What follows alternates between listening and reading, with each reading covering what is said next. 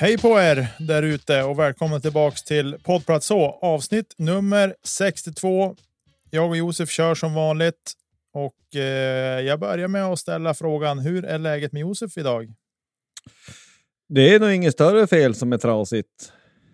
Eller ja, det, du, jag är 47 år. Det är vad, vad man har jobbat med, men man, det är vad det är. Jag, jag ska inte klaga. Det är ju riktig vår och det börjar på bli grönt och, och um, ja. Det, det är, jag ska inte säga att det är prima. Det pågår en hockeyallsvensk final som inte Björklöven spelar i, så den, den är ju sur. Men i övrigt så, jag ska inte klaga själv. Jo, men det är bra. Jag har just kommit hem från träning och så där, egen träning ska jag säga. Eh, så det är bra. Och i övrigt så väntar långhelg med innebandycup så att jag får väl säga att det är, är eh, fina fisken helt enkelt tycker jag. Och så. Eh, I alla fall, i dagens avsnitt ska vi prata om SM-finalen som nu är avslutad. Den eh, hockeyallsvenska finalen som eh, fortfarande spelar. Och dessutom så ska vi eh, ja, prata om eh, kvalserien till Hockeyallsvenskan, NHL-slutspelet, lite silly season och sen som alltid lite övrig sport. Eh, så att eh, vi kastar oss in i det här avsnittet på en endaste gång. Så där. SM-finalen är avgjord. Vad har du att säga om den Josef? Ja, det finns väl inte så mycket att säga. Så jag kollar en del eh, ändå. Det hjälps ju inte att eh, hockey är kul att se. Alltså Växjö vinner ju 4-1 i matcher. Det är ingenting att säga om. De gör processen ganska kort, även om det är både målsnålt i flera matcher och eh, eh, jämnt målmässigt. Jag tycker att det är inte så mycket att säga. Alltså 4-1, även om det är jämnt i matcherna så blir det ju ändå inte jämnt i matcher. Och det säger ju ändå någonting. Eh, måste man ju säga. Och eh, sällan har väl en, den här Stefan Liv Memorial Trophy, sällan har väl en, en spelare varit så given att få den som Emil Larmi. Fruktansvärt vilken målvakt han växte ut till.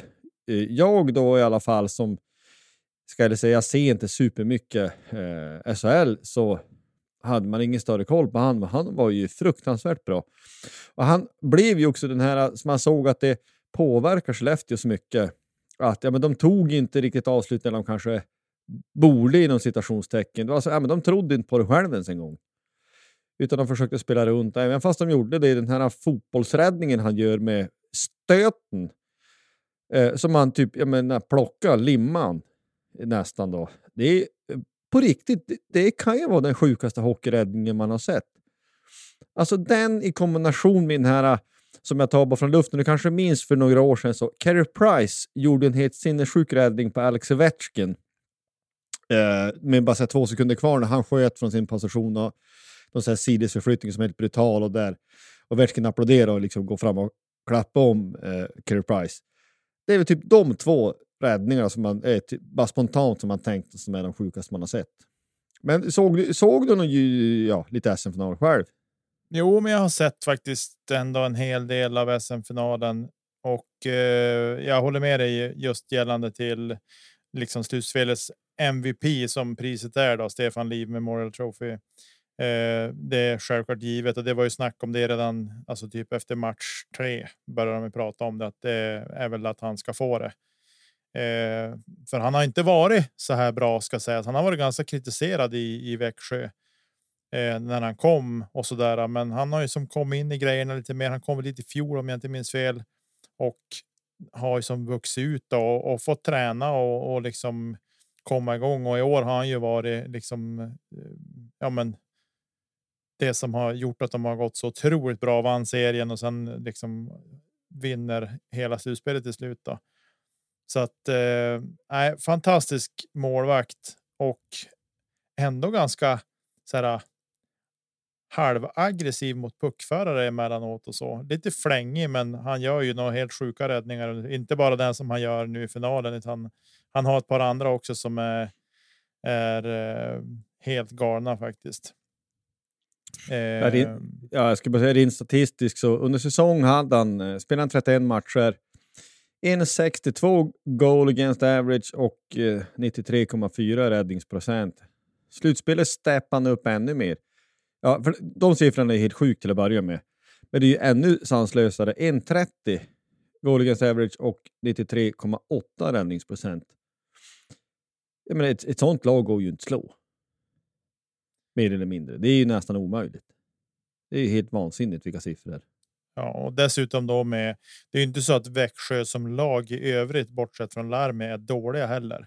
De har en fruktansvärt stark backsida och de har liksom ett maskineri framåt som är väloljat och bara tugga på liksom eh, och hitta lösningar nästan alltså som mot vilket motstånd man har ställts mot.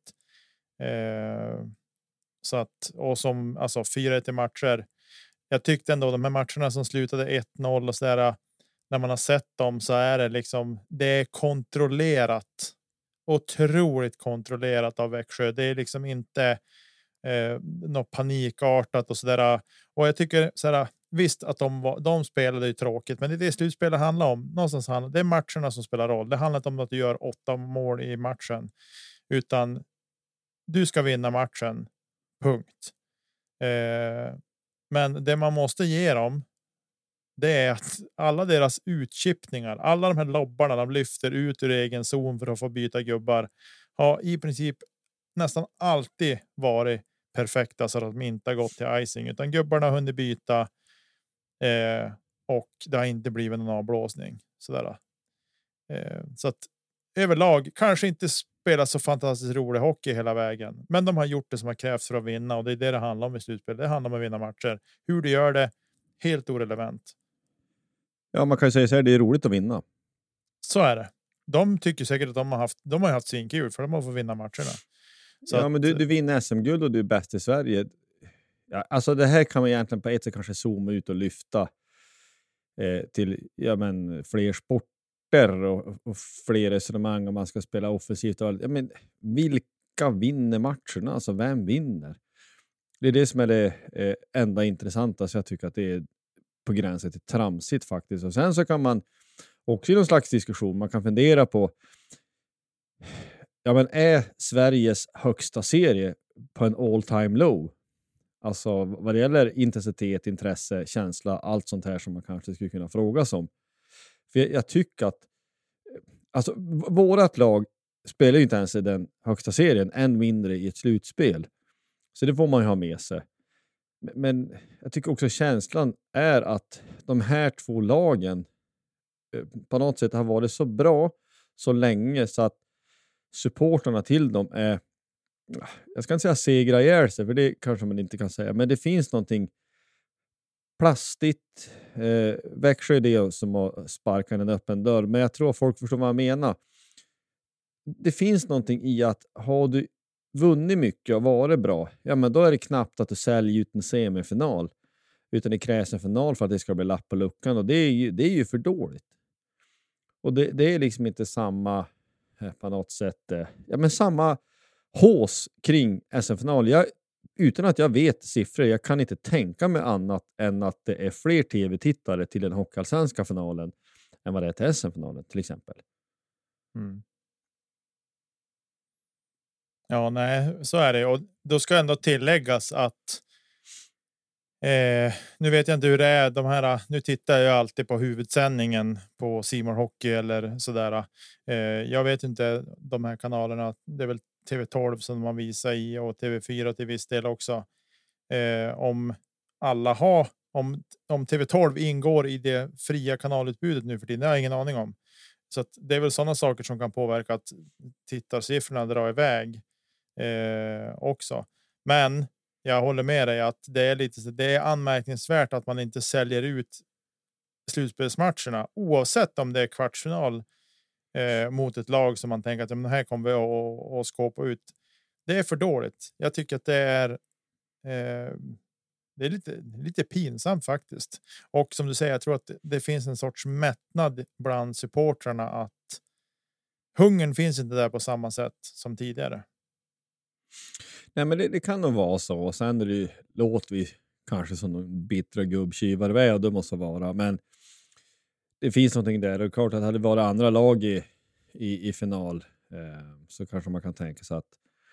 Jag, jag har ju svårt att tro, om vi skulle säga så här, att Leksand skulle gå till en semifinal, de hade varit knökfull.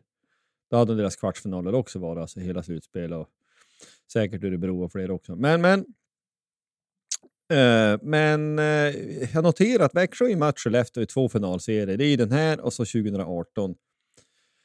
Och det kanske du minns att Växjö vann ju i fyra raka matcher 2018. Det innebär att man har mötts nio finalmatcher totalt och det är 8-1 i matcher till Växjö och 33-7 i målskillnad. Eh, och jag noterar också som någon sa då, att eh, Växjö har aldrig missat en matchboll. Alltså har de tagit tre segrar eh, i en final så har de alltid, de har ju vunnit på första försöket att ta nummer fyra då så att säga. Så de är ruskigt starka på det sättet, alltså mentalt. Alltså, man säger ju alltid att den liksom, fjärde segern är den svåraste, men Växjö har inga problem med det eh, när de liksom går till finalen, när de tar tre segrar. Så. Det måste vara. Jag vet inte om du noterar också, det har ju varit en del gnäll om köplag och plast och sånt där. Vad, vad tyckte du om det? Egna spelare, hockeykultur och bla bla bla. Ja, men alltså. Eh, då vill man ju ha liksom egna produkter i sina A-lag. Det, alltså det, det köper jag ju liksom så här. Men att, att påstå att man eh, inte har vad ska man säga, alltså att man har, alltså att man har, har spelare ut för dem. Det är fullständigt självklart och inga konstigheter heller att folk har eller att lag har spelare utifrån. Det måste man ha. Eh, hockeyn har blivit annorlunda på det sättet att det är mera importer eh, som vill uppåt. Det finns mer hockeyspelare. Eh, liksom så det är väl inga konstigheter, men att börja då veva mot andra lag att ja, men det är ett köpelag och det är hit och dit med. Ni har så mycket importer så här. Ja, men då börjar man gräva ner i, i era egna lag. Ja, men vad har ni för? Hur ser eran stomme ut? Så där, absolut att man kan ha spelare som har spelat länge i klubben, men deras moderförening är fortfarande AIK eller eh, liksom Huddinge eller eh, Frölunda eller whatever liksom. Men de har valt att sätt, bosätta sig i Luleå eller Skellefteå eller eh, Timrå, vad, vad, som helst liksom och satsa på sin elitkarriär och bli dem trogen. Och det är väl fint på sitt sätt, men det är fortfarande ingen spelare som är från de egna leden. Nej, det känns ju inte som att Tom Kühnhackel är från KG direkt. Nej, men eh, Oskar Möller säger... är inte heller från Skellefteå. Vad säger du? Oskar Möller är inte heller från, från Skellefteå, men han har varit där länge. Ja, nej, men han är ju Stockholm, så han är ju en köpespelare om man skulle säga så. Då. Ja, om man tar dem som ett exempel. Linus Söderström i kassen, Stockholm. Jonathan Pudas, Kiruna, Linus Högberg, Stockholm, Oskar Nilsson, Stockholm, Anton Olsson, Helsingborg. Det här ska man ju, kan man ju ramla på. Theo, Theo Kelin, Västerås, Jonathan Jonsson från Gävle. Men ja, jag förstår poängen, men jag skulle tänka mig att Växjö bryr sig inte så mycket. De vann SM-guld och eh, det var ju för några par år sedan man såg, om man var på Fimpens resa, vad det var. Eh, men liksom den här klubbledaren som är så legendarisk där. Ja, nu får han hjärnsläpp, det här är dålig podd. Ja, men just det, ja, men man gillar att vinna. Och då spelar det ingen roll var spelarna är ifrån. Och eh, ja, men den dagen, om Björklöven går upp, då skiter jag väl fullständigt i... Alltså, spelare kommer och går. Klubbmärket är det som består. Och jag är tacksam för alla bra spelare som vill spela i min förening. Eller vår förening oavsett nu vem den är. Så att det där jag köper inte heller eh, någonstans. Eh, sen så. Det blir ju fånigt. Alltså, vi är bittra över att vi åkte ut i en semi i Hockeysvenskan. Ja, Skellefteå förlorade en final. Vi har ju inte någon, någon upper hand överhuvudtaget i en sån diskussion på det sättet. Men det måste vara. Vi säger grattis till, till Växjö, även om jag har ju väldigt svårt för ett svenskt lag som där det står Lakers på tröjan. Och där är 57 miljarder reklamloggor där valfritt lag från DEL är ett under av tradition, klass och eh, fin smak. Ah. Skit i SM-final, nu går vi vidare. Jag pallar inte här. vi går vidare. Hockeyallsvenska finalen. Sist vi spelade in Josef, då stod det 1-1 i matcher och det var dags för två matcher på Hovet i Stockholm.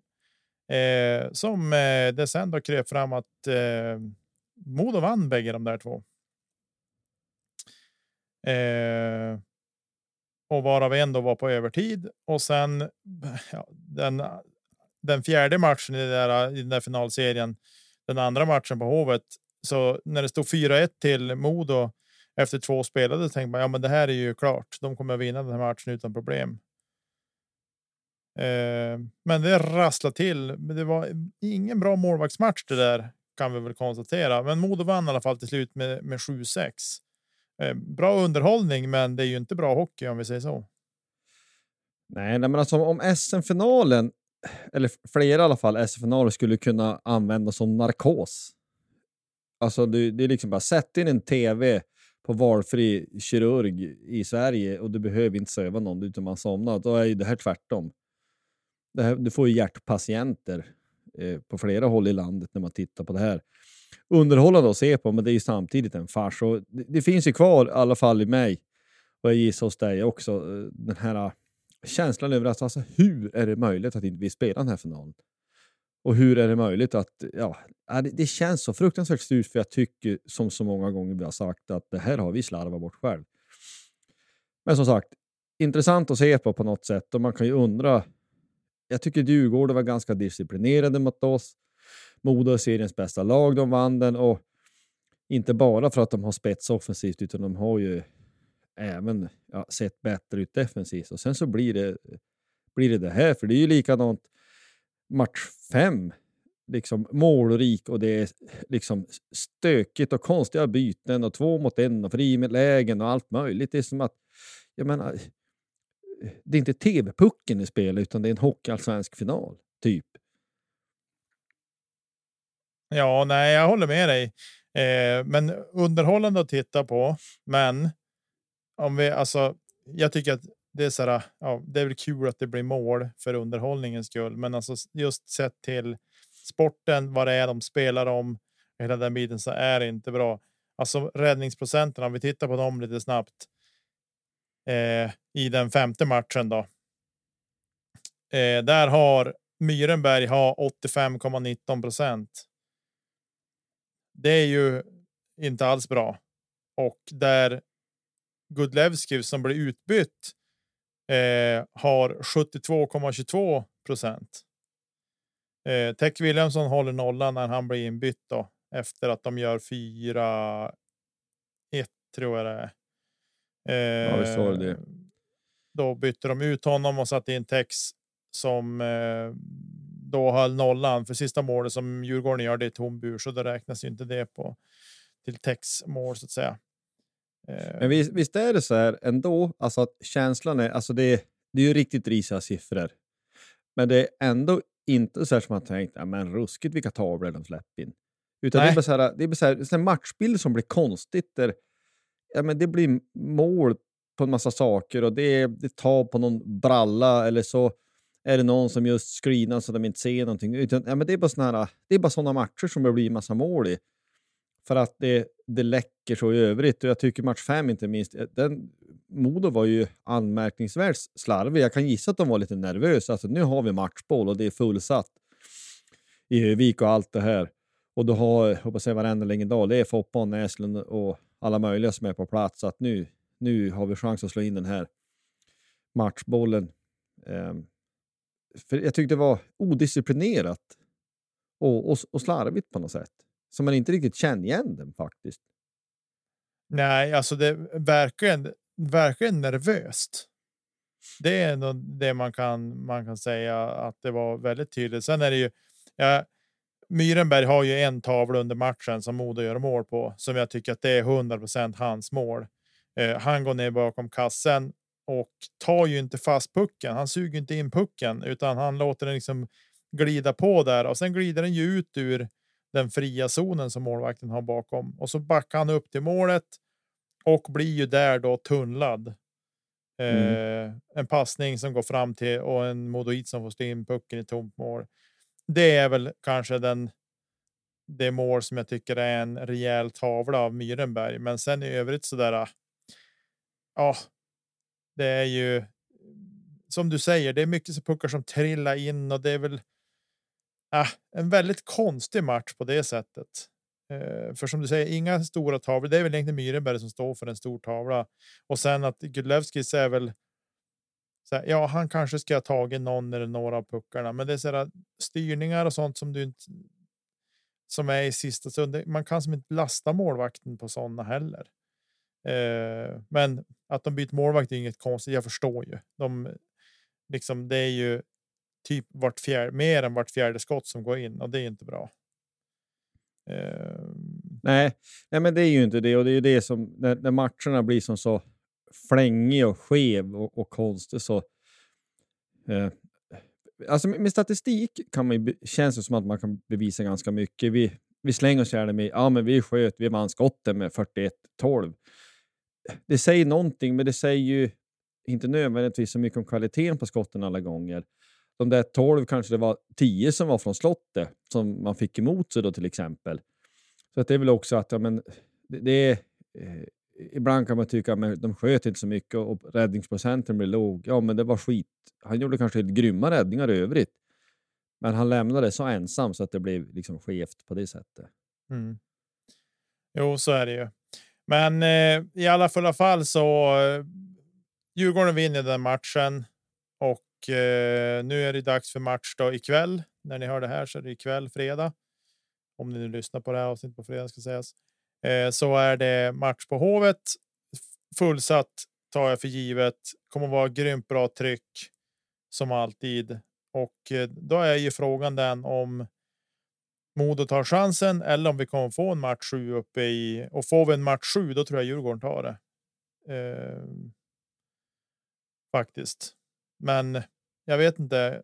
Är det så att Modo kan liksom spela mer avslappnat nu när de är på bortaplan och tänka att ja, men vi förstör deras fest genom att de vill ju ta det till match sju såklart och så åkte de ner och kan spela avslappnat. Det var ju likadant som hände i fjol också. Eh, där vi åkte ner och låg under med 3 i matcher mot HV och där vi kör över dem.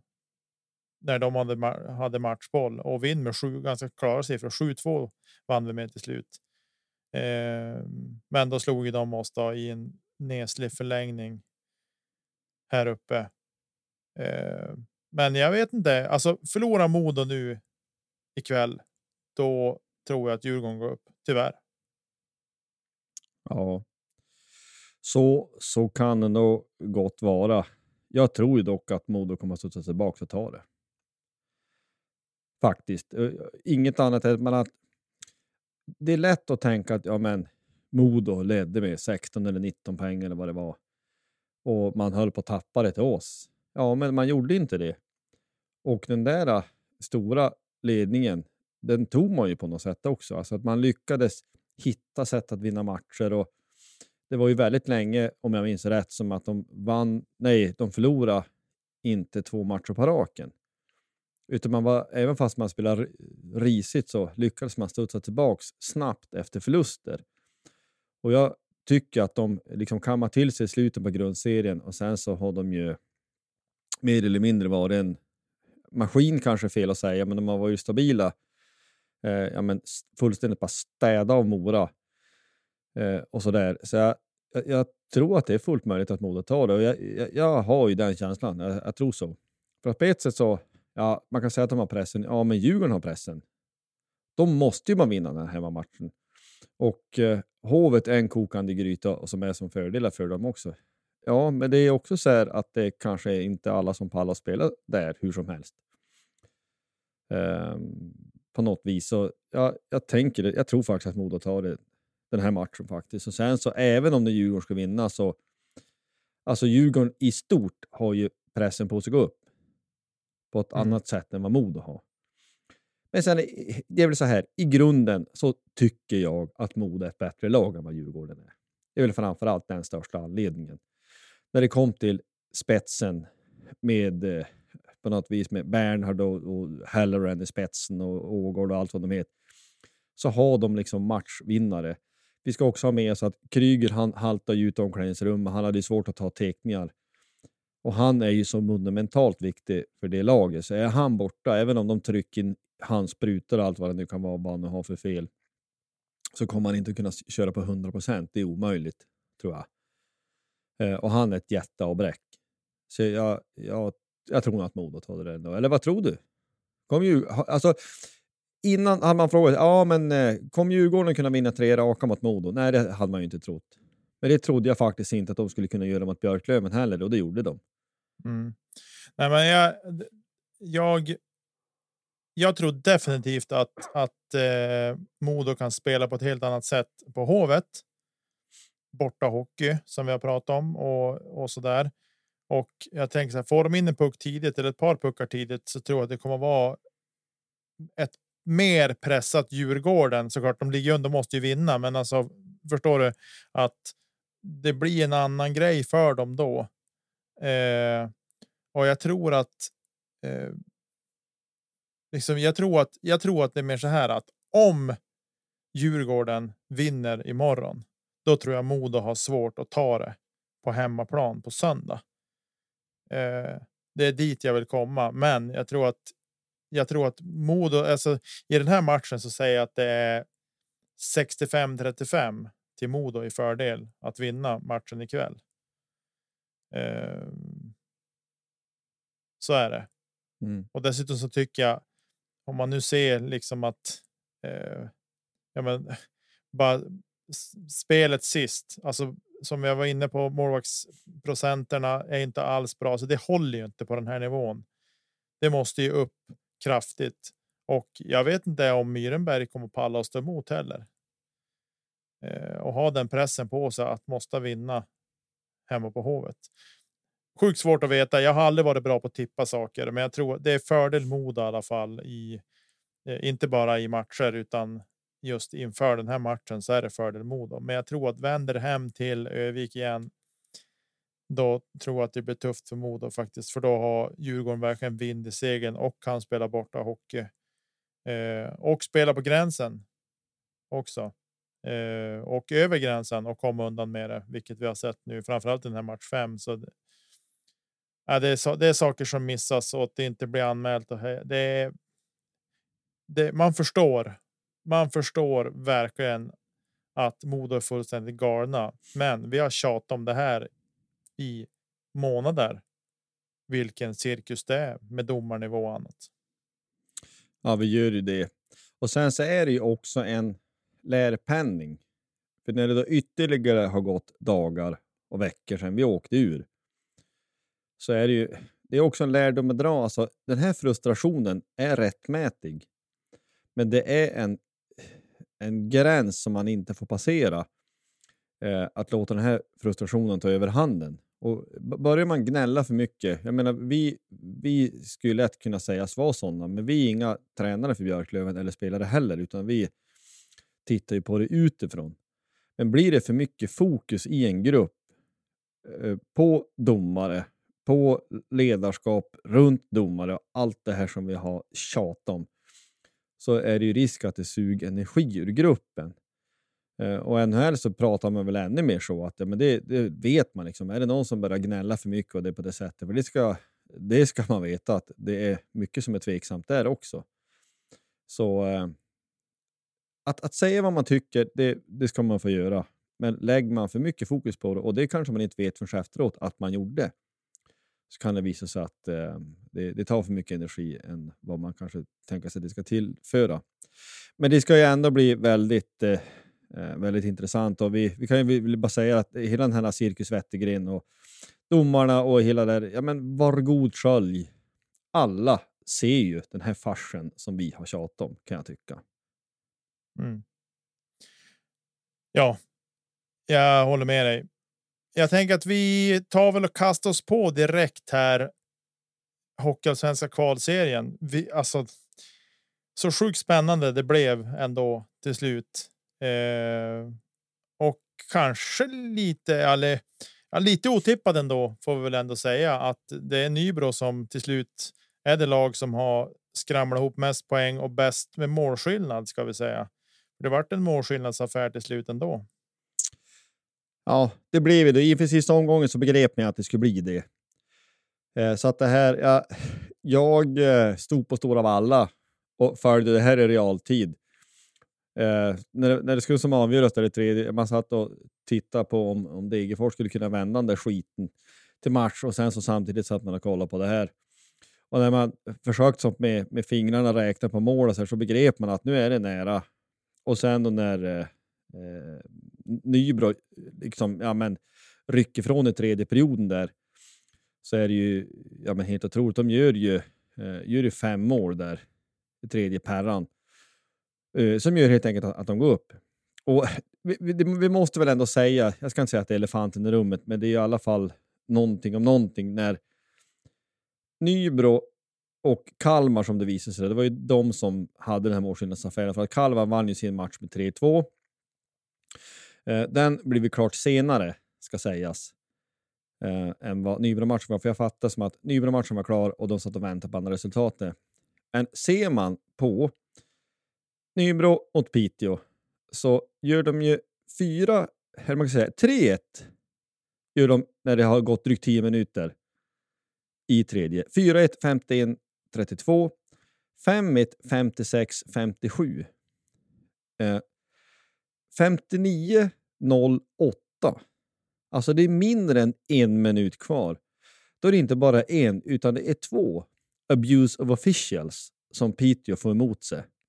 Så att Nybro får spela 5 mot 3. Och den där hjälps det inte. Den där är ju anmärkningsvärd. Och nu ska det definitivt sägas, vi har ju inte sett det här. Det kanske var det mest givna domslutet i Hockey-Sveriges historia. Det säger det, det, vi vet inte. Jag tycker bara att det är någonting att notera. Att först 58-39, Henrik Claesson får en tripping och sen 59-08. Inte bara en utan två abusive officials. Sen så vinner de, för det mål jag har sett, alltså då vinner de på teckning bakåt, back, back och så smäller det där och så gör de 6-1. Och det blir ju det plusmål som hjälp. Det är fascinerande att det är så jämnt och att det är ett mål i sista minuten som avgör. Men jag tycker också att det är konstigt. Alltså hur, hur är det möjligt? Lite så. Vad har du att säga om det här? Finns det någonting att säga? Nej, jag tycker att det var otroligt intressant. Att det var så spännande som det blev och att det var ett mål till slut som avgjorde det hela. Eh, det kom ju ett. Ett Twitterinlägg eller en Twittertråd kring det där. Vad var det som hände egentligen? Hur kom det sig att det blev abuse of officials? Så det kröp ju fram då att det är en spelare som hade åkt. För han hade väl fått någon slashing vid något friläge där i samband i slutet där eh, med de där utvisningarna och frågade domaren rakt upp och ner. Håller du på Nybro eller? Och då åkte han ut. Eh, vi ska ta för det är. Twitter är det sociala medier, det är, men det var spelaren själv som som hade, som hade frågat domarna där och han var en av de spelarna som åkte ut. Eh, jag tycker att det är. Ja, är, är, det på, är det på den nivån så känner jag så här att det finns. Det finns dåliga domare i alla led och det förstår man ju, men den där nivån är ju för dålig. Tycker jag. Jag menar, Peter har ingenting att spela för. De var ju, det var ju flera matcher sedan de var färdiga, att de inte hade någonting mer att göra för överhuvudtaget. Att de åker hela vägen ner till Nybro för att spela matchen är ju bara det hatten av. Som du nämnde förra veckans avsnitt. Så att, ah, ja, inte bra. Det ser inte bra ut när det blir så där. Nej, alltså det är väl så. Man, man ställs ju lite frågan. Men som sagt, vi, vi ska absolut inte vara någon konspirationsteoretiker. Och det här är ju eh, på säga, som man kan säga, som vi väl har sagt förut också tror jag. Om inte så säger vi det nu, det som man säger i UFC, att men lämnar inte domarna. Får ju se till att lösa det här själv. Lämnar inte till en målskillnadsaffär. Det ser man då, eh, då till exempel Hudiksvall, som man kan reagera då på att ja, men de hade ju, eh, de låg ju för skätet länge. Men de förlorade de tre sista matcherna. De slarvade ju bort det här helt och hållet själv. Eh, Ja, så på något sätt, de, de hade alltid egna händer och fötter de tre sista matcherna. Och de två sista matcherna, men de förlorade båda. Eh, den, den match åtta blir det ju, förlorade de i övertid. Och match eh, och 10 förlorade de i, eh, förlorade de i ja, ordinarie. Det är vad det är. Ja, så är det. Du, jag tänker att vi hoppar vidare och snackar lite NHL-slutspel. Där är vi ju inne i åttondelsfinaler. Eh, och det är ju jämnare än vad jag trodde att det skulle vara. ändå. Får säga. Det haltar ju lite grann nu. Det ska spelas matcher i natt. Eh, vi spelar in det torsdag kväll nu och det ska spelas matcher nu natten till fredag. Så när ni hör det här, då är de matcherna spelade. Eh, men jag rafsar igenom dem lite snabbt och så sen får vi försöka eh, backa tillbaka och prata om om matcherna lite grann. Men Carolina mot New York Islanders. Så är det 3-2 3-2 i matcher till Carolina och den spelar match 6 spelas natten mot lördag, så där är det matchboll för Carolina då. Eh, och sen Boston, Florida. Där står det 3-2 i matcher och där även där match 6 mot eh, natten mot lördag. Eh, Dallas, Minnesota 3-2 i matcher. Match 6 natten mot lördag. Edmonton mot Los Angeles 3-2 i matcher eh, och där är det faktiskt matinématch som de så vackert kallar det för. Så där kan ni slå igång tvn om ni vill. Jag skulle gissa att den går och titta på på TV10 om man har tillgång till den kanalen. 18.00 är det nedsläppt där. Så vill man se världens bästa ishockeyspelare för tillfället eh, spela hockey så kan man göra det klockan sex. Eh, New Jersey Devils, New York Rangers. Där står det 2-2 i matcher och där är det match fem nu då natten mot idag. Så att den matchen är nu spelad. Eh, Toronto Tampa. Det är väl en av de få matcher där det är lite större siffror. Det står 3-1 i matcher till Toronto. Eh, lite otippat kanske. Men eh, sen har vi Vegas Winnipeg står 3-1 i matcher. Den matchen också spelas i natt innan när ni hör det här. Och sen Colorado Seattle. Där står det 2-3 i matcher och där spelas match 6 natten mot lördag. Eh, backa tillbaka lite grann. Carolina New York Islanders. Där har jag haft väldigt dålig koll för överhuvudtaget, så där har jag inte så mycket att tillägga. Har du sett någonting av den? Har du sett en highlights eller någonting? Från ja, ja, jag har försökt att se. Jag har faktiskt försökt se en del i efterhand. I och med att det lag som då jag följt mest, eh, Montreal, inte är aktuellt för något slutspel, så då eh, jag inte se någonting live. Men jag har försökt att se lite efterhand. Islanders kan man ju gilla lite grann. Marcus Andersson som vi har haft med oss eh, i tidigare avsnitt, han gillar ju Islanders, så då, ja, då kan man ändå gilla dem lite grann. Men Carolina var ju eh, alltså inte en grundseriemaskin som vad Boston var såklart, som slog alla rekord som finns. Men de eh, har ju varit bra och varit bra i ett, ett grundserielag under ett par säsonger. Så det där är väl kanske vad man har väntat. Eh, däremot så tror jag att Carolina är ganska skadedrabbad. Så att det där är långt ifrån säkert. Jag tror ju, visst var det så att man hade 3-1 också eh, och missade att slå in en matchboll där så att nu, nu kan Islanders ha reducerat. Jag tror att det är så. Har jag fel så mm. borde det ju vara så i så fall. Men jag skulle gissa att eh, eh ändå att Carolina kommer att krångla sig vidare ur den där. Men, eh, men eh, jag, jag, har ju inga sympatier så. Men jag skulle gissa ändå att det kommer ändå... Ja, det, det skulle inte förvåna mig om det blev sju matcher i den där, just därför att Carolina har eh, viktiga spelare borta. Mm. Vad det gäller Boston Florida, eller vill du säga något mer om den där? Nej, jag har ingenting mer att tillägga där. Jag tänkte just att vi ska hoppa vidare till Boston Florida. Det vill man ju att Boston ska förlora bara för att de har så fula färger. Bland Lite annat. Så. Och de har ju ligans fulaste spelare också, ska jag väl säga. Eh, Tänk du på Brad Marson, då kan jag tänka mig att det är någon annan du tänkte. Nej, det finns ingen annan jag kan eh, eh, tänka på där. Men där, alltså Boston som du säger, de har slagit otroligt många rekord och har ju varit fruktansvärt bra den här vintern.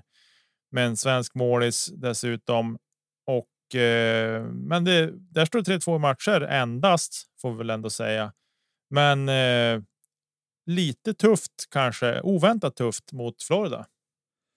Ja, det måste man väl ändå säga. Där har ju, eh, jag får säga gammal, även Bobrovski, eller hur gammal han är, men han har ju steppat upp och varit väldigt, väldigt bra. Eh, så att eh, mer, mer normal, om man får säga så, målvakt så hade Boston löst det där. Men det är väl också att konstatera, som man, man måste ändå säga, att, att slutspel är något annat än grundserie. Alltså allting jackas upp eh, ett hål. Eh, inte för att det är så lätt att vilka du än möter i ett slutspel ta dem med fyra raka, men jag hade väl trott på max 4-1 in här. Eh, nu tror jag säkert att eh, skulle förvåna mig mycket om Boston inte krånglar sig vidare. Men de har fått det lite oväntat jobbigt. Men det finns ju ingenting som ändrar grundtipset att Boston är favoriter till att ta hem bucklan. Det tycker jag inte. Men det är ändå roligt att man gör liksom matchserie av det här ändå. Tycker jag. Mm. Ja, verkligen. Eh, vi går vidare då. Dallas, Minnesota. Där står det 3-2 i matcher till Dallas. Eh, och eh, där tror jag också att det stod 3-1 i matcher om jag inte missminner mig när jag gick igenom det här.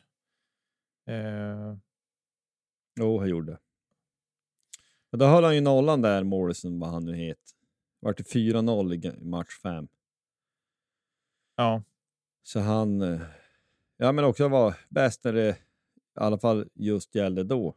I alla fall. Men det, alltså jag kan ju tycka att av det man hör att Dallas är en sån här smyg, eh, eh, smygare som kan helt plötsligt vara i en final och man tänker men just ja, Dallas är ju rätt bra mm, också. De har, de har ju spetsen i vad heter han, Seguin och säkert fler som är, som är väldigt bra. Så att det finns ja, det, det finns någonting att gå på och de eh, gick ju, har ju gått... Alltså var det i bubblan gick de väl till final? Och Tampa gjorde de det. Ja, det där ska jag inte säga för bara, bara för den, den saken har man väl fel. Eh, eh, men det, det är ju, eh, ja 2020 så är det. Mm. Så det är det minns jag rätt.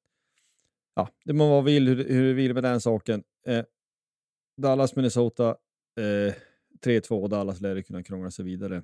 Edmonton, Los Angeles. 3-2 i matcher. Som vi sa.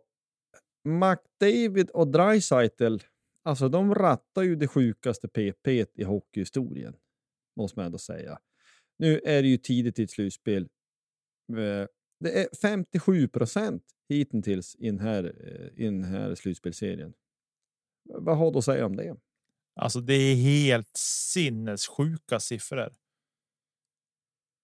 Det är det är ju löjligt.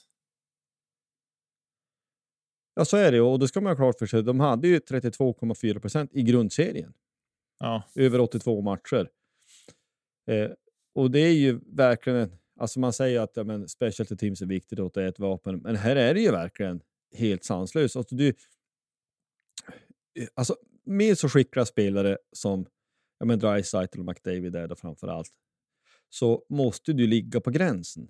Alltså du måste ju ligga hårt på dem och tight. Ja, men det innebär att du kommer att dra på dig utvisningar. mm, Så det där är svårt, eh, lite en svår balansgång. Ligger du inte tight, ja men då hoppas jag blir det mål ändå för de är så bra. Eh, Men ligger du tight så riskerar du att dra på dig. Det är som är lite moment 22. Ehm, men han är väl som inne i sin, sin prime nu, McDavid, så att det börjar, eh, börjar vara dags att vinna saker om man ska vinna någonting mm. eh, på ett sätt. Ja, verkligen. Jag sa ju det tidigare här att det är läge att, att sätta sig ner, bänka sig och se match 6 på lördag 18.00 svensk tid. Det är ju klockren tid för oss. De där matcherna, matinématcherna som de kallas, som går mitt på dagen för dem brukar ju kunna vara lite mer avslagna tillställningar. Framförallt under grundserien så brukar det kunna vara det. Oktober är de där matcherna dötråkiga att titta på. Men nu är det ändå slutspel så att jag har nog tänkt försöka om jag har möjlighet att sätta mig och se den där matchen. Eh, just bara för att se hur kommer de att göra? Hur kommer powerplay att se ut och så där. Eh, och sen är ju det hjälps inte alltså oavsett vart man har sympatier. Att se Conor McDavid spela hockey, det är gillar man hockeyn som sport i, i allmänhet så är det en fröjd att se honom spela hockey. Så är det bara. Det är otroligt imponerande hur han får fram över isen. Ja, nej, men han är ju världens bästa hockeyspelare just nu och eh, det beror väl på hur man mäter och så här, men alltså han i vilken tid han än skulle ha spelat så skulle han ha varit eh, sinnessjukt bra givetvis. Hade han spelat på 50-talet hade han varit bra. Sen så måste man kunna vända på det att ja, men de som var bäst på 40, 50, 60-talet, vad de än hette, och en del kritik, eh, eller kritik, men någon har ju haft åsikter runt Gretzky och så här att ja, men han fick mycket andra ass och fick mycket tid på sig. Ja, men du kan ju inte vara mer än bäst i din tid. Och nu är Gretzky i och för sig ett unikum. Alltså, han hade ledat alla tiders poängliga, även om han inte hade skjutit ett enda skott på mål. Alltså Mm. hans assist räcker gentemot alla andras totala poäng. Så att han är ett unikum. Men eh, han är, han är grym. Det ska bli intressant att se om det räcker.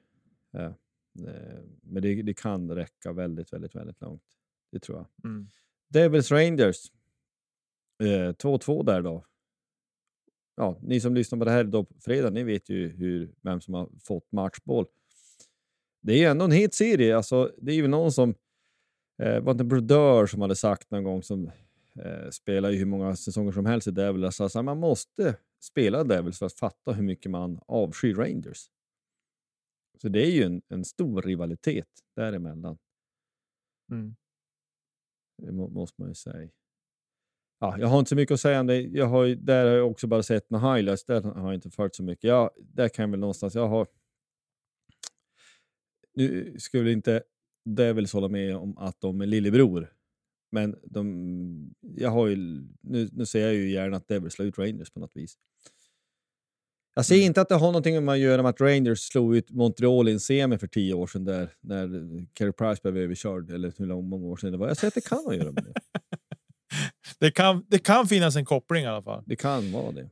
Eh, Toronto-Tampa, det står 3-1 i matcher och det har ju varit de här äh, grejerna just kring Toronto och slutspel. De har väl inte tagit sig förbi första rundan på hur länge som helst, va? Eller är det kvartsfinalen de har kört fast i? Uh, det finns en sån sjuk ja. statistik på Toronto. Eller om det är första rundan. De har inte tagit sig förbi första rundan på typ 20 år eller vad det är. Ja, det är något sånt. Uh, ja, jag kan inte det från huvudet, men, men det är något sånt i alla fall. Att de har ju haft ruskigt bra lag med Marner och uh, Matthews och Nylander och så. Alltså de, de har ett namnkunnigt lag. Flera av säsonger menar man väl att det har varit målvaktssidan som har varit lite darrig. Um, och ja, i och med att de led nu när vi spelade in det här med 3 matcher så kan man ju påminna om, bara för det så att när ni lyssnar på det här så vann de med, med 73-0 och avgjorde, men de ledde med 3 matcher mot Montreal för ett par år sedan när Montreal gick till final. Eh, och där eh, men chokar man ju fullständigt. Eh, och eh, eh, där lyckades Montreal vända, vilket jag inte alls var ledsen över när det hände kan jag säga. Eh, ja. Men det är väl så här också att Tampa har gått långt i slutspel flera, flera säsonger på raken. Att när du spelar så fruktansvärt mycket hockey och liksom ser man det här, om vi ska även nämna Stefan Öhman, alltså det här när du på något vis du periodiserar träning, alltså över säsong och över säsong efter säsong. Ja, men du har så lite tid för återhämtning till slut. Så att eh, det, det sliter kanske så mycket så att Tampa som lag om de åker ur så tror jag att de kommer tycka det är värdelöst, men det kanske vore bra för en del spelare som med, med Viktor Hedman i spetsen eh, som har spelat så sinnessjukt mycket matcher senaste tre, fyra, fem åren vad det kan vara. Ja. jag vet inte om det har någon betydelse, men jag, jag tror väl ändå att alltså, spelar du 100 plus matcher år efter år efter år, så förr eller senare så orkar du ju inte hur, hur vältränad den är. Nej, precis. Jag ska säga så här. 2022 så var det sjätte året i rad som de inte tog sig vid första rundan. Så det jag sa tidigare är helt felaktigt eh, och jag borde ha kollat upp det där noggrannare. Men det har ju liksom om de nu tar sig förbi så bryter de ju ändå en trend som har hängt i sig i hängt i i sex år. Skulle de förlora den matchen, då är de uppe på sju år mm. och inte tagit sig vid första rundan. Och de, de har ändå haft ett tillräckligt bra lag för att kunna ta sig förbi första rundan. Eh, och i fjol så pressar de ju Tampa till sju matcher, men förlorade den matchen med 2-1. Så det var eh, tajt så det förslår där. Men eh, de... var, var, det inte att de ledde med 3-2 och match 6 i overtime? Det kan ha varit något sånt. Det här vet du, nu tar man från bakom örat, men det var apjämnt i alla fall. Så det var ja, nära det var det. Det var det. Eh, vi går vidare. Vegas Winnipeg. Där står det också 3-1 i matcher till, till Vegas och eh, den matchen är också spelad nu när ni hör det här eller ni kanske lyssnar tidigt på natten. Då har det inte spelats, men den spelas för natten mot fredag och eh, där ser det väl ut som att Vega ska eh, krångla sig vidare i den matchserien. Där har jag sett. Jag tror jag sett highlights från första matchen bara. Det är det enda jag har sett. I övrigt har jag inte sett någonting. Eh... Ja, alltså jag är ju lite svag för. Eh, jag är ju lite svag för, för Winnipeg, eller svag för, svag för kanadensiska lag generellt. Ja, förutom Toronto. Då. Eller ja, jag, jag kan inte prata för det blir så konstigt för jag har så skeva... Eh, du har ju... Du, ja, men alltså, Winnipeg är ju på något vis en liten stad. Det är en, en, relativt liten arena, liten marknad och det är smällkallt på vintern och man är ju, ja, man är ju svag för att eh, sådana liksom, mindre klubbar så ska gå bra. Det är bara mm. så. Sen är ju, tror jag Vegas är bra. Det, det tror jag att de är. Men det mm. hade ändå varit, varit kul om de hade kunnat liksom, ja, men krångla till. Och det var, var ju en match tre gick till övertid. Så den, hade man vunnit den så hade det varit en annan sak då givetvis. Ja, ja. Man, man ska spela om dem, men jag tror inte att de löste det. Jag tror inte. Nej. Och sista åttondelen då. Colorado och Seattle 2-3 matcher och fjolårssegrarna. Colorado ligger under och är tvingad till att forcera fram en match 7 för att kunna ta sig förbi eh, åttondelsfinalen. Vad, vad känner du där? Ja, men det är väl skadorna där också. Landeskog är borta till exempel. Um, så jag tror på något vis att du... Um, alltså Seattle är bättre än vad folk tror på ett sätt. Och sen så tror jag också att eh, Colorado är lite för skadskjutna för att kunna göra någonting åt det där. Eh, skulle jag gissa faktiskt. Mm.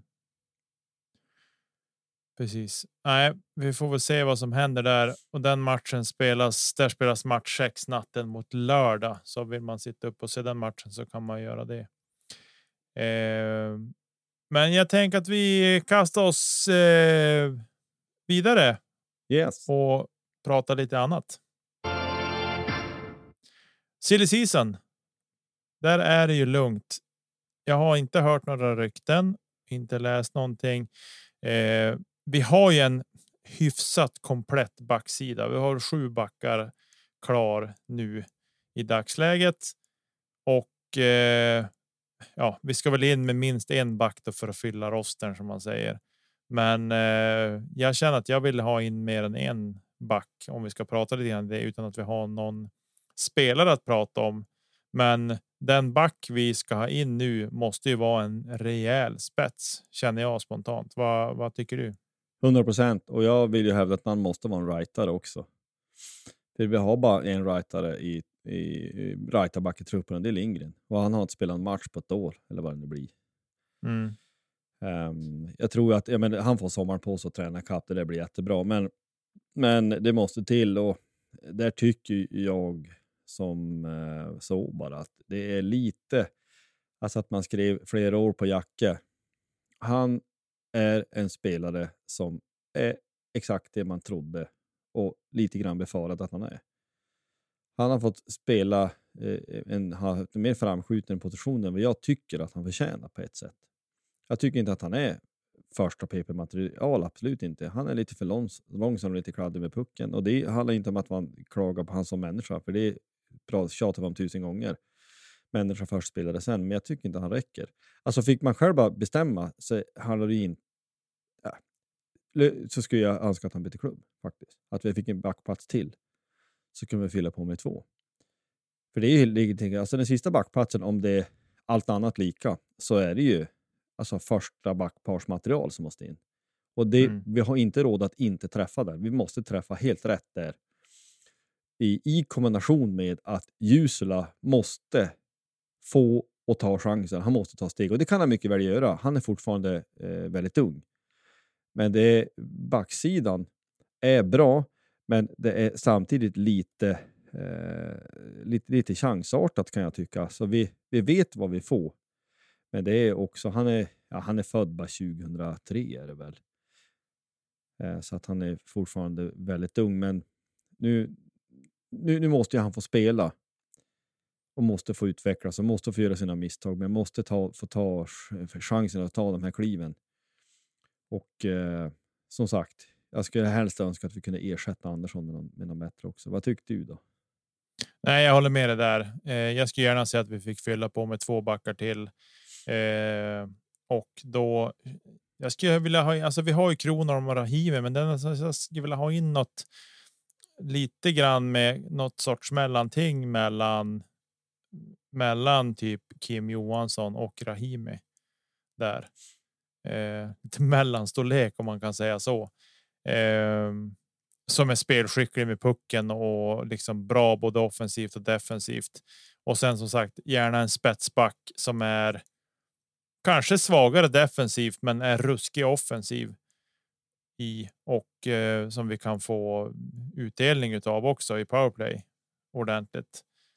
Eh, så att eh, där eh, tycker jag att vi där måste vi verkligen träffa rätt och hitta en bra spelare.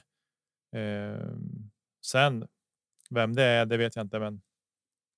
Vi får väl se vad Kente lyckas gräva fram. Han brukar ju kunna överraska. Oss med med riktiga godbitar och så där. Vad tror vi i övrigt då? Känns det som att det är rätt lugnt? Alltså i och med att det finns inga rykten alls för huvudtaget. Vi vet ju att vi har de importer vi har haft i vinter som eller som vi har kvar under kontrakt. Vet vi har gjort bra ifrån sig i år och kanske ja, men sitter lös på grund av den här SHL klausulen som är helt värdelöst. Eh, eller värdelös.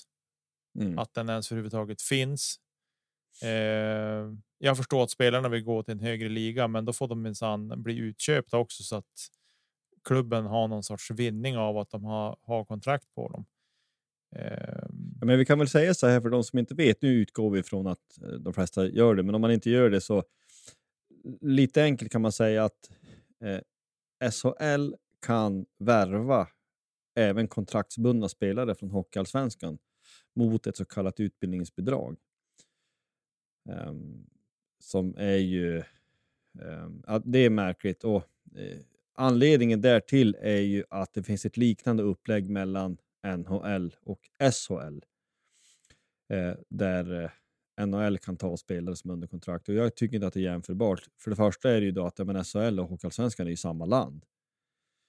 Eh, och man eh, glappet mellan NHL och SHL är ju klart mycket större än vad det är mellan SHL och Hockeyallsvenskan. Och framförallt är det ju också så att vi har ju upp och nedflyttning. Alltså att hockeyallsvenska lag strävar efter att gå upp i SHL och SHL-lag vill inte åka ur. Så att jag tycker inte att det är jämförbart överhuvudtaget. Och sen är det ju också så bisarrt att alla SHL-lag eh, betalar ju in till någon slags pott och det är ur den potten som det betalas. Så att när liksom, ja, men Oskarshamn tar Karlqvist och flera stycken från Hockeyallsvenskan samma år så är det ju den här potten det betalas, till exempel. Jag hoppas säga att det hade nästan varit en annan sak om de själva fick punga ut ur egen ficka. De hundra, hundra, ja, men några hundratusen som det blir. Men inte ens det är det ju. Ehm, men, men med det sagt då, via passagen om, om det så är det ju så att vi, jag tror att det kommer att dröja in i sommaren en bit innan det riktigt blir någon snurr igen. Vi har förlängt med de vill ha förlängt med. Det som man kan fundera på det är Fitzgerald då i så fall, hur man vill göra där. Och eh, jag skulle på ett sätt inte ha någonting emot om man förlängde, men då måste han också användas rätt. Um, i, i, så fall. Och vad nu det är, det kanske man på ett sätt inte är människa att tala om, men helst som ytter och inte som center, skulle jag ju säga. Eh, det har, vi måste in med en spetscenter till, skulle jag önska. Det ville väl alla lag ha, men vi skulle behöva en till. Eh, för jag tycker som vi har sagt att vi gick en centerkort. Men som det nu är, allt annat lika, så är det ju fyra forwardsplatser som ska in. Men vi, i och med att framförallt Polo, Schilke och i viss mån Fortier är under kontrakt, men vi vet inte om de är kvar och tills vi vet exakt hur det blir så det förändrar ju dynamiken så otroligt mycket. Låt säga att Poli och Schilke eller Poli eller Schilke försvinner. Ja, men då blir det ju på ett sätt, inte ett helt annat lagbygge helt och hållet, men det blir ändå helt annorlunda mot hur vilken värvningsstrategi ska man ha? Ska det vara komplement till dem eller ska vi ersätta dem rakt av? Det blir ju helt olika saker. Så det är verkligen värdelöst, jag håller med dig. Mm. Japp, men jag tror att vi vi lämnar det där, för vi har som sagt ingenting att fylla på med. Vi behöver inte sitta och tomprata omkring sillen, utan så fort vi får veta någonting och då får ju ni också veta såklart eh, genom Björklövens kanaler. Eh, om det har signats på någon spelare eller inte, men jag är helt med på det du säger att det kanske dröjer ett tag innan man vet vad vi har, vad som har blivit med våra importer. Det ska sägas, de kan ju försvinna även efter, men då kostar det. Eh, för då ska de lösa ut kontraktet om efter det här datumet och som är eh, om det är första juli eller om det är 15 juli. Det ska jag låta vara osagt, men det, jag tror att det är juli månad i alla fall någon gång som det där eh, datumet när bandet dras så att säga. Eh, jag tänker att vi, vi hoppar in mot eh, lite övrig sport.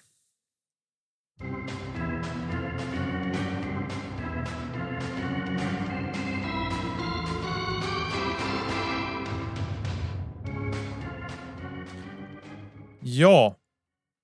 Nu är vi inne i den, den, den segmentet vi brukar ha mot slutet där vi pratar lite övrig sport. Ska säga så här. Vi nämnde det förra veckan. Josef frågade om jag hade någon, någonting att tillägga på vad som skulle komma skulle. Och det var ju så att eh, Champions Cup i discgolf spelades. Det var en, en major som det kallas inom golfens värld. Det är en av de här riktigt stora tävlingarna. Och på damsidan så var det europeisk topp eh, och som utklassade allt motstånd. Vann med 14 kast till slut och eh, det är utklassning kan jag säga. Hon hade inte behövt spela de två sista rundorna och vunnit ändå med ett par kast. Så bra var hon. Kristin Tatar från Estland är ett monster. Hon vann VM i fjol, kommer förmodligen att tuffa på och vinna VM eh, även det här året om jag får gissa lite grann. Men eh, fruktansvärt duktig eh, idrottskvinna. Och sen på här sidan så vinner Isaac Robinson och där var det väl. Han hade byggt upp en stor ledning. Han ledde med sju kast inför finalrundan. Eh, så att han kunde liksom surfa vidare på det och så. Eh, och han spelade lite grann som Växjö har gjort i slutspelet. Han gjorde vad som krävdes och inte mer än så kan vi väl säga. Eh, och han drog in då den fina vinstsumman på 14 000 dollar på sin första plats och där Kristina Tar då hon vann 8 500 dollar Eh, och varför då är skillnad? Det är så att klasserna bär sina egna kostnader sett till prispengar där det är en major. Det är väl pytsas väl till lite extra pengar, men men eh, det är så det ser ut då. Så det var det. Det var discgolfen. Har du någon övrig sport att Men lägga till? en fråga är från en idiot som inte vet någonting. Alltså hur många majors är det på ett år? Är det som i typ tennis Grand Slam? Det är fyra turneringar på ett år eller, eller, Det eller är det fler än fyra major tävlingar? Jag tror att det är. Jag borde, jag borde ha koll på det här såklart. Jag tror att det är fem eller sex majors som spelas. Eh, Där VM då är ju en till major. Eh, och sen har vi en major som spelas i här i Europa. European Open är också en major. Eh, USDGC, United States Disc Golf Championship är ju också en major och sen är det väl tror jag någon till också. Eh, så fem eller sex majors är det tror jag. Eh, men det är stora tävlingar, drar mycket folk och, och liksom discgolfen är på frammarsch fortfarande. Covid var ju. Det var inte mycket som var positivt med covid, men eh, för discgolfen som sport så fullständigt exploderade den och till skillnad mot paddeltennis till exempel så har ju den fortsatt att öka och hålla i, hålla liv i. Till skillnad mot många paddelhallar som har fått stänga igen på grund av Mm. bristande intresse. Eh, det går inte att jämföra ska sägas. Det är stor skillnad, men ändå. Som som discgolfer tycker man ju att det är kul att det att den fortsätter växa, att det kommer fram nya spelare och så. Ja, men vad det gäller paddel finns det bara att säga det finns för få mellanchefer för att det där ska kunna snurra runt. Ja, Men eh, ja, paddel är kul, det ska jag inte säga något annat. Men alltså det är ju ändå intressant kan jag då tycka att ja, men 14 000 dollar eller 150 000 svenska ungefär, det är ju inte cut treat ändå. Nej, alltså det är ju. Det har ju. Jag tror det har jag nämnt tidigare någon gång också. Det har ju signats ett par riktigt tunga kontrakt här senaste åren och senast nu i januari så kom det ett stort tungt kontrakt där min favoritspelare Simon Lesoth skrev på ett tioårskontrakt med MVP Disc Sports där han får en miljon dollar per säsong. Eh, plus lite övriga ja, men, tillkommande pengar också. Jag menar, det är 10 miljoner per år. Det är 100 miljoner. Kontraktet är värt 100 miljoner kronor. Och liksom i discgolf. Eh, och många som lyssnar på den här podden kanske tycker att det är en skitsport och det är liksom, men vadå, kasta en plastbit, hur mäktigt kan det vara? Men den börjar ta sig pengamässigt också. Det börjar landa riktigt tunga kontrakt och tävlingarna växer och därmed växer även prispengarna. Eh, och så där. Så att eh, nej, det är de här. Det finns någon. Jag tror att det är USDGC. Det vinner de. Där har de samma prispeng på både dam och herrsidan. Jag tror de vinner 20 000 dollar. Den som vinner där. Så att det är ju. Det är ju stora prispengar i det. Men det är det ju alltså golf och tennis. Där är också. Det är helt andra summor där. Det är hysteriskt stora summor. Mm. Eh, så det är klart att det är skillnad så, men. Sett den lilla sport som discgolf är så så. Är det häftiga summor ändå. Ja, men det är ju. Det är ju också roligt att om man nu får inom citationstecken nya sporter kan etablera så att också de blir professionella, vilket de säkert discgolfen har varit bra länge. Men att det finns pengar och man kan leva på och allt sånt. Mm. Men vad jag har i övrigt? Ja, jag var ju på Stora Valla och såg Degerfors Elfsborg. Det var 1-2 förlust, men det var sol och bra väder och fin gräsmatta faktiskt. Eh, så att eh, det är kul att se allsvensk fotboll. Det är Djurgården hemma nästa match till helgen. Eh, så får man se om det blir tillbakastuds där. Jag vet inte hur, hur lätt det är, men det är ju fullt möjligt. Eh, Degerfors har ändå varit rätt bra mot Djurgården eh, hemma, på, hemma i Degerfors faktiskt. Sista säsongerna. Kan vi också nämna att eh, natten till fredag då, eller hela den här helgen, men första rundan natten till fredag är ju NFL-draft. Också den brukar jag ha följt eh, närmare förut. Nu är det så då, det lag som jag hade följt mest, San Francisco 49ers, de har investerat mycket draftkapital eh, tidigare när man har tradat till sig spelare så att de har inte förrän tredje rundan spelare så att eh, dag ett så händer ju ingenting. Det är första rundan i dag ett. Då. Men imorgon bitti, eller nu på morgonfredagen när ni lyssnar på det här då återigen så är det med andra kolla det gick. Det är ju alltid så att quarterback-positionen är så viktig så att det är ofta så att det går mycket quarterbacks tidigt Eh, och de kan övervärderas på ett sätt och hur man nu jämför spelare, det behöver vi inte grotta ner oss i, men eh, just därför att den positionen är så viktig så att kan man uppgradera den så blir laget bättre direkt på något sätt. Eh, men det ska bli intressant och där nu, ja, om man nu ska prata pengar så är det ju rätt mycket pengar i NFL. Det är de här gossarna som går topp 10, de är inte inga fattiglappar i morgonbeten när de vaknar. Nej, det förstår jag. Det förstår jag. Ja, det är hysteriskt. Det är sjukt stora summor i NFL. Ändå sett till deras korta, alltså. Korta grundserie och och liksom och sen slutspela på det så är det ju fascinerande stora pengar sett till deras idrottsliga säsong. Tycker jag i alla fall utifrån. Mm. Ja, men det är ju den största tv-sporten i USA. Eh, det som drar mest tv-tittare och det. Um, tv-avtalen där har vi läst någonstans, men de är fullständigt brutala vad de betalar eh, tv-bolagen för att få sända National Football League. Och, ja, det hör ihop med det då såklart. Mm. Snittkarriären är ofta ganska kort för en genomsnittlig spelare. Sen de allra bästa, om de får hålla sig friska, kan ju spela länge som helst. Nästan, nej, men alltså, du kan ju ha en karriär som är långt över 10 år och nästan uppåt 20. Men det är ju ytterst ovanligt. De allra flesta är ju inte så. Mm. Utan konkurrensen är ju så brutal att minsta lilla att någon uppfattas vara bättre. Och yngre och billigare, för det är ju business också. De har ju lönetak där precis som i NHL. Som man ska knölas under. Mm. Men lite från vänster måste man ändå säga innan vi knyter ihop det här och lite snabbt tillbaka till hockeyn så läste vi att Hardy Hemman Aktell, den gamla Lövenbacken, han har skrivit NHL-kontrakt med Washington Capitals. Så det är ju kul för honom. Och om inte om finns och allt detta. Men jag, man bryter ihop om man tänker på det ytterligare en gång. Men det blir väl värre än 700 000 till Löven, va? tror jag. Det ger. Ja. Äh, angående det här avtalet som vi nu pratade om förut, att man ska få ersättning mm. för spelare som går dit. Och det är ju kul. Och det har ju också, torsdag kväll här, har det ju också spelats en landskamp i Umeå. Sverige-Finland 1-2 och jag kan inte tänka mig något mer bottenfruset faktiskt. Nej, eh, dessutom så var det en liten tavla när de gjorde 2-1 målet. Så jag såg. Jag gick. Jag passerade tvn som stod igång och hade igång matchen då då dottern hade suttit och sett så att jag. Jag såg bara precis när jag pep iväg och tränade så såg jag att de gjorde att de gjorde 2-1 Finland och det var en målvaktstavla så att det var. Jag håller med dig. Jag har inget intresse alls. Jag var ett tag inne på att jag kanske ska åka och se den här matchen live, men jag var inne och kollade om det fanns biljetter. Det var bara dåliga platser kvar och så sen kände jag ståplats. Ah, lockar mig inte riktigt eh, den här gången så att det, det fick vara faktiskt. Jag prioriterar min egen träning före. Eh, så att eh, ah, det är eh, alltså, hockey-VM. Nu kommer jag nog kanske man kommer att glutta på några matcher. Det är ju, de spelar ju Europa i år i Finland, Tammerfors.